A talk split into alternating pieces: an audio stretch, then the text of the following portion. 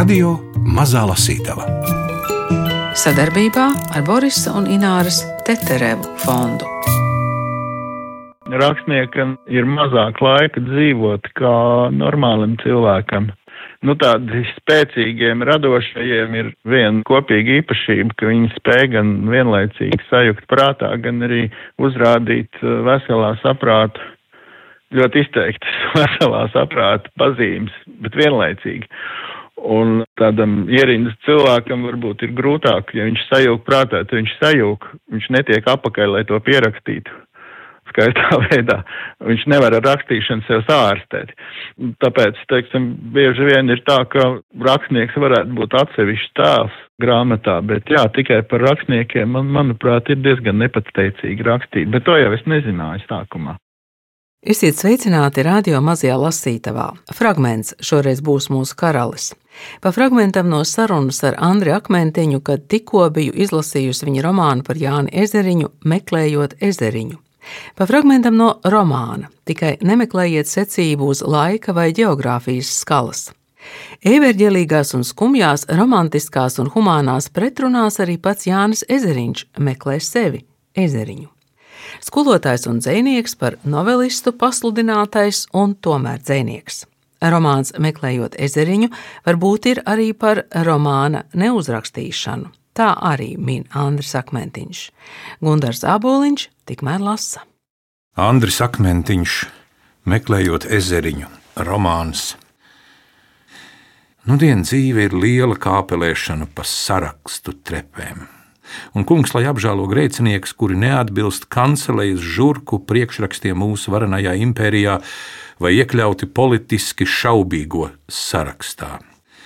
Tomēr nesteidziet nopelt, saraksti ir labi, glābjoši un svētīgi, tie garantē algu, pārtikas apgādi, jaunāko literatūru un citus labumus, un parāda izēju no nesaprotama samudžināta ķīseļa, kādā regulāri pārvēršas mana dzīve.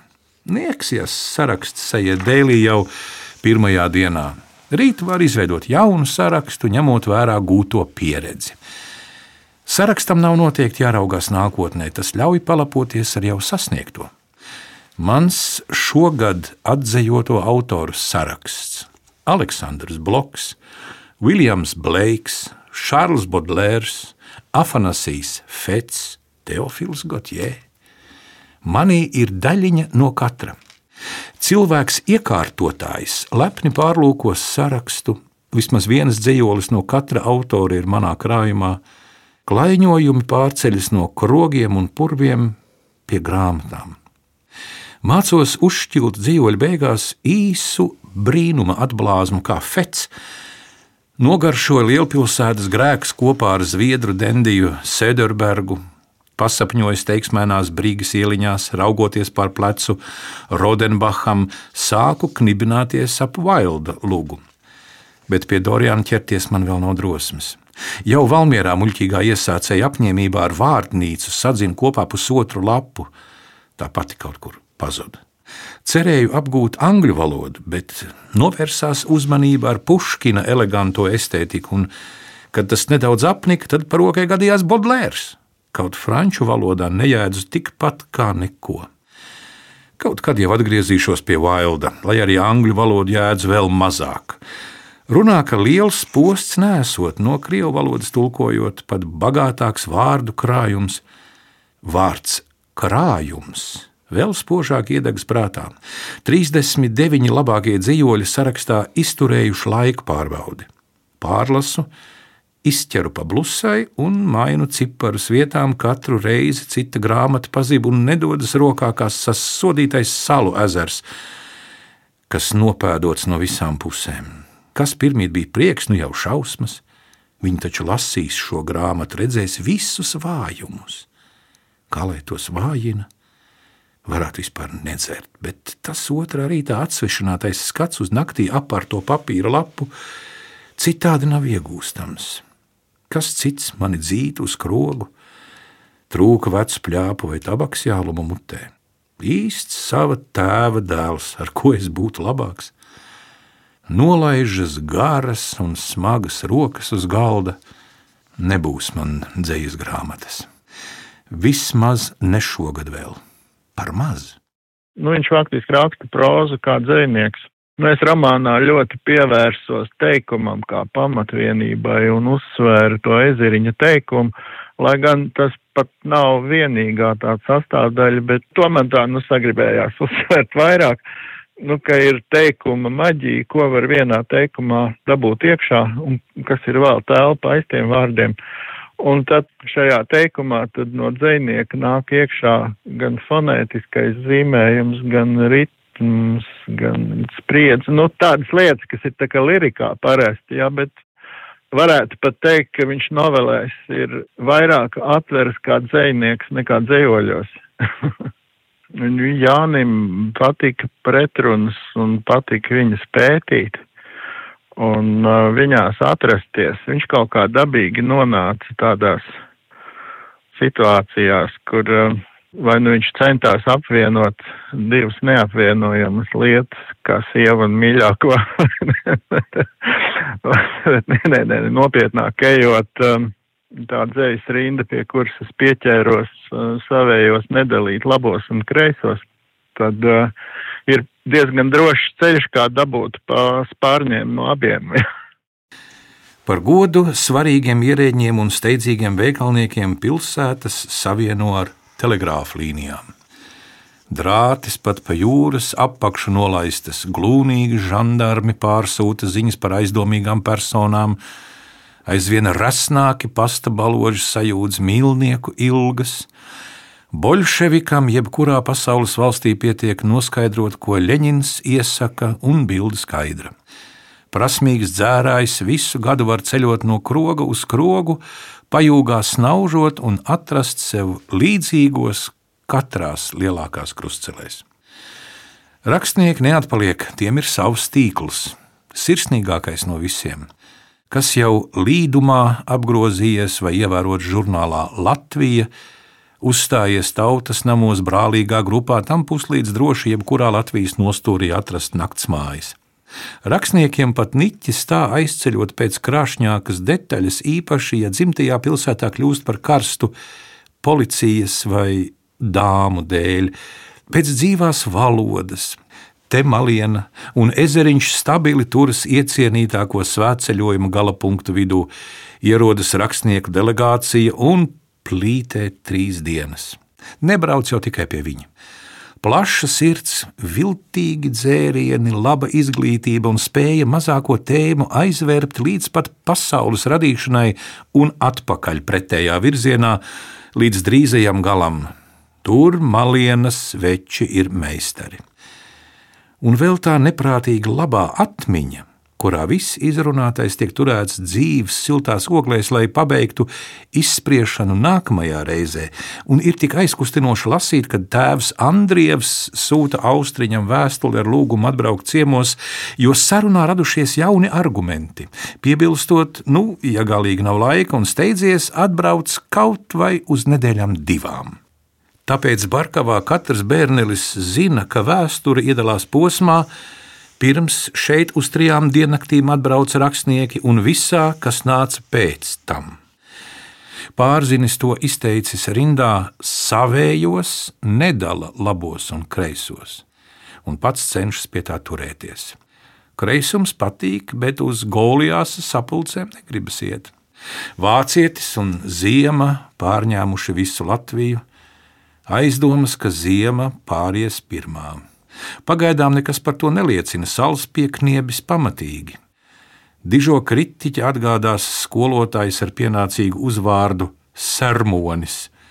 Diena paies, lai atsiltu un iesiltu, tad upīts vadīs saikavā mācību stundas, pēc tam vakarā brīvā formā varētu būt lasījumi, bet par tālāko, lai dieviņš dzied, laiki nedroši, īpaši tik redzamam vīram kā upīts.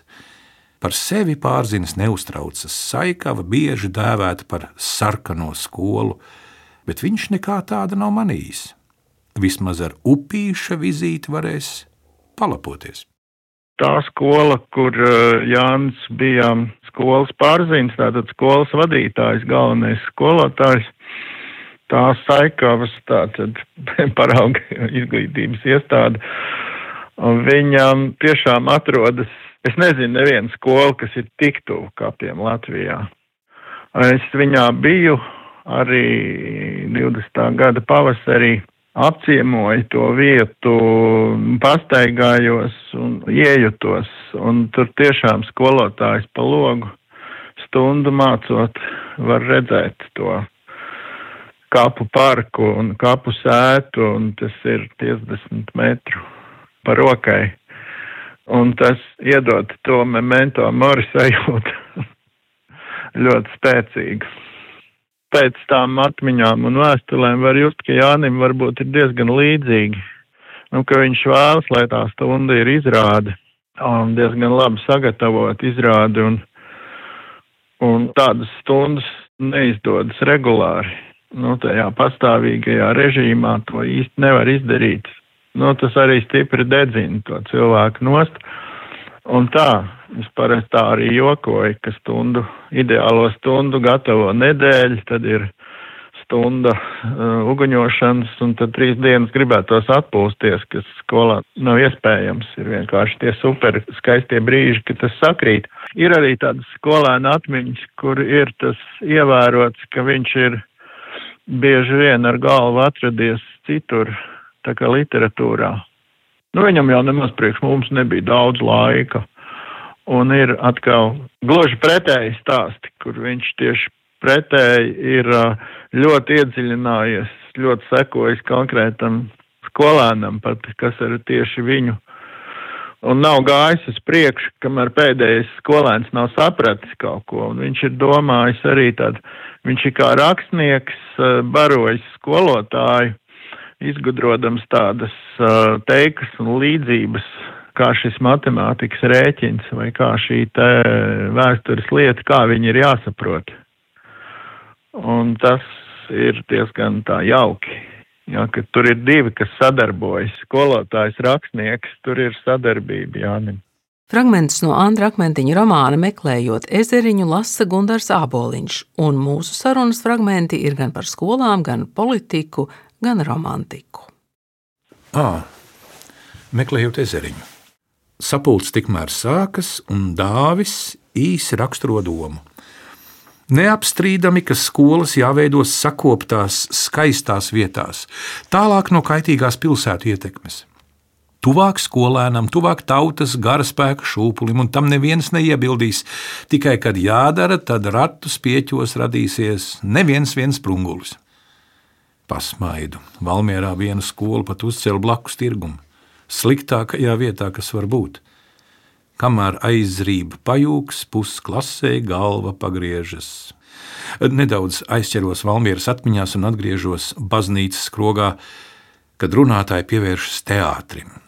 Es varētu skolu uzbūvēt arī viens, taču nevaru atļauties, jo nav runa par naudu. Svarīgāk, lai apkārtējā sabiedrība piedalītos, lai saimnieki, rentnieki, tirgotāji ieguldītu savu tiesu un izprastu skolas nozīmi. Uzvedīsim kādu izmeklētu lūgu kopā, iepazīsimies, sapratīsim, ko spēlējam kopā.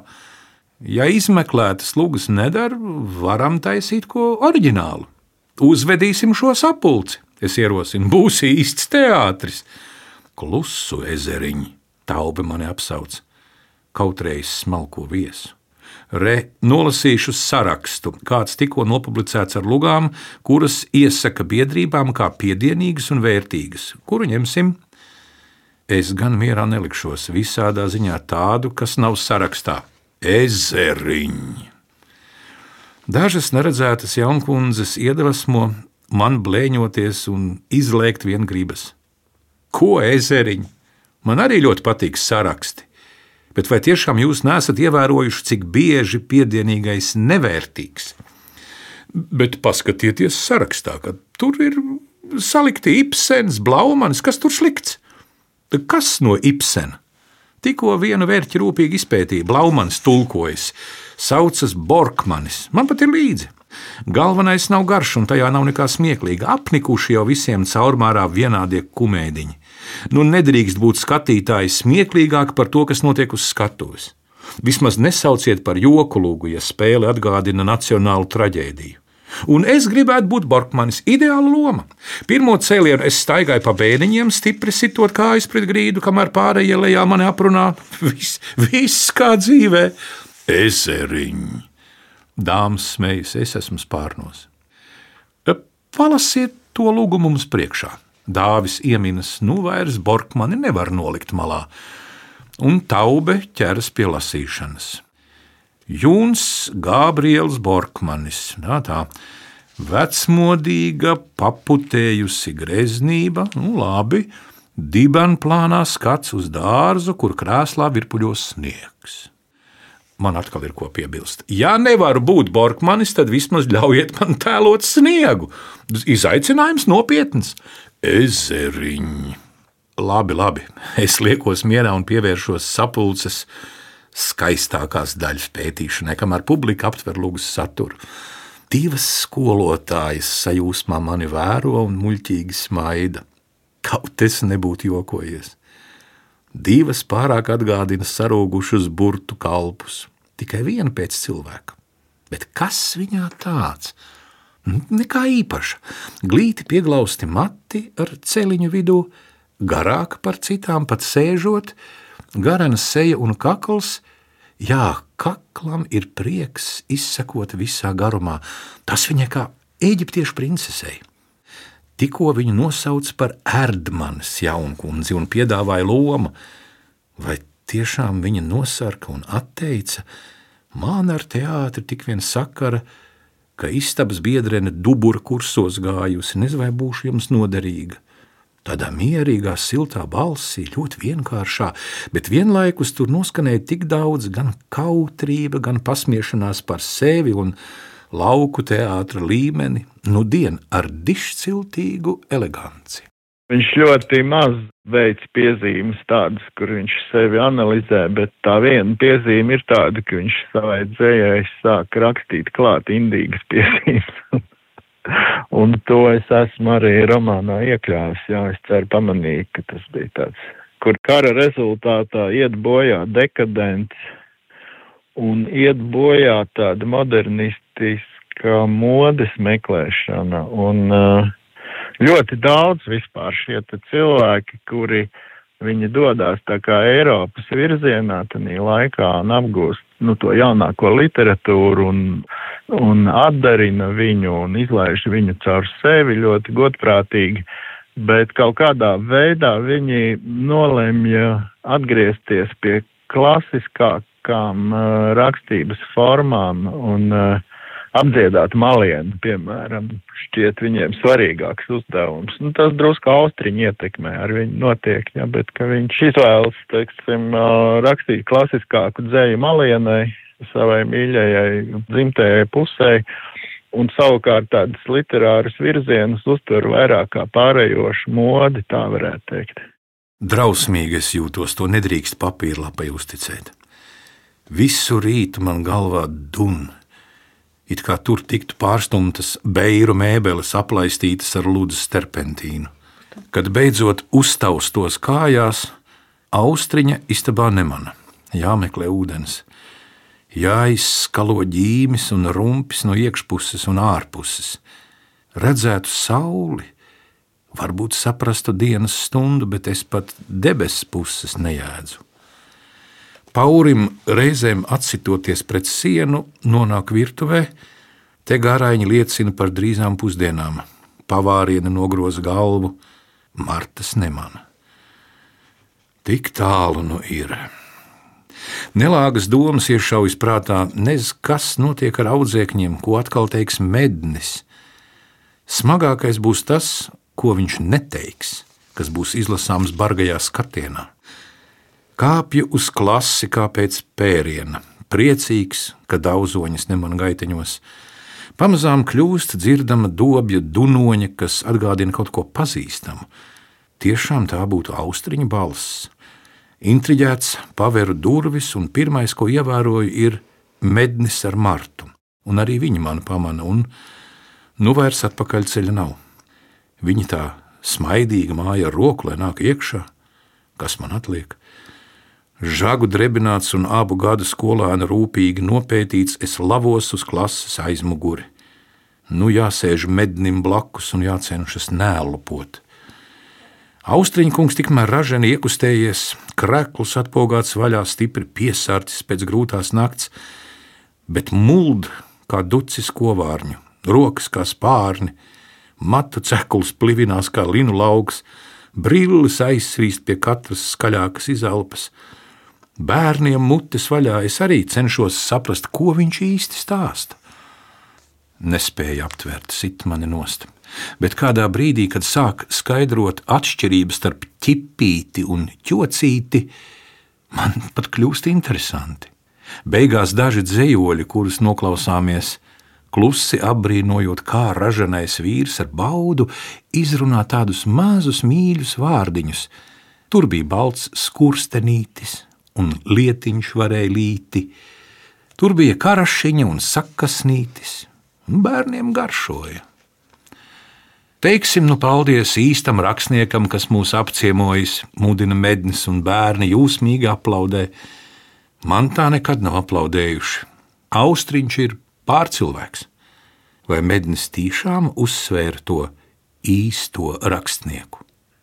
Burvīga stunda, tādas varētu sarīkot biežāk. Mednis paziņo un pievēršas man. Ceru, ezeriņ, tu tikmēr pabeidzi savu lasdonas poēmu, kas šodien jāsūta avīzei. Tuvu tam es atbildu, stipri nosargdams. Redz, cik viegli iekulties parādos, un vēl nav austriņš. Atprasīs taču vēlāk, kur poēmā es medni pazīstu. Nu, Rekā es tevi izglābu no skolas, glābu tu tagad mani, nevaru vairāk brālīt. Austriņš, uzstājoties tvaiku, izlaidis pēc stundām, ieklibo manā istabā un saļimst uz sāna. Varu paspēlēt violi. Es piedāvājos, zinot, cik ļoti draugam patīk mūzika. Paldies! Tāda labāk uzreiz nogriez manu galvu ar neasu lociņu, lai miers, austriņš dveš. Pēdējais brīdis paklausīt ārstam ir klāt. Ko? Man pasaukt dakteri? Nē, nē, nemīļo Jāni, vīnu dabū, sarkano, steidzami Ļaunākā gadienā degvīnu. Nu, klimsti ātrāk, kamēr dzējas spēka rats nav apstājies, es tikmēr pārmīšu acis. Tu man esi vismaz divas mācības stundas parādā. Un tad es mēdzu viņu dēvēt par eksplozīvu introvertu.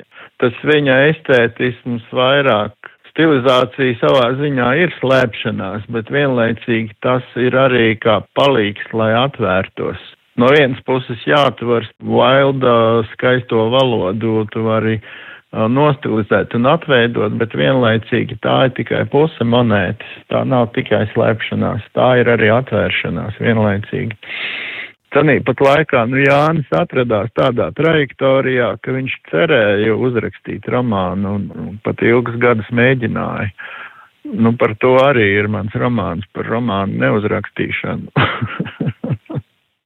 Andra Akmentiņa romāns par Jāni Ezeriņu, meklējot ezeriņu. Klajā nācis prozas un literatūras zinātnes miedarbes projektā Es esmu, izdevusi dienas grāmata.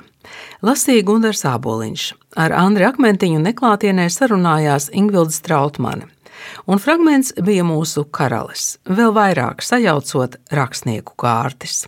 Literatūras zinātnes miedarbi gaidām ar lielu nepacietību.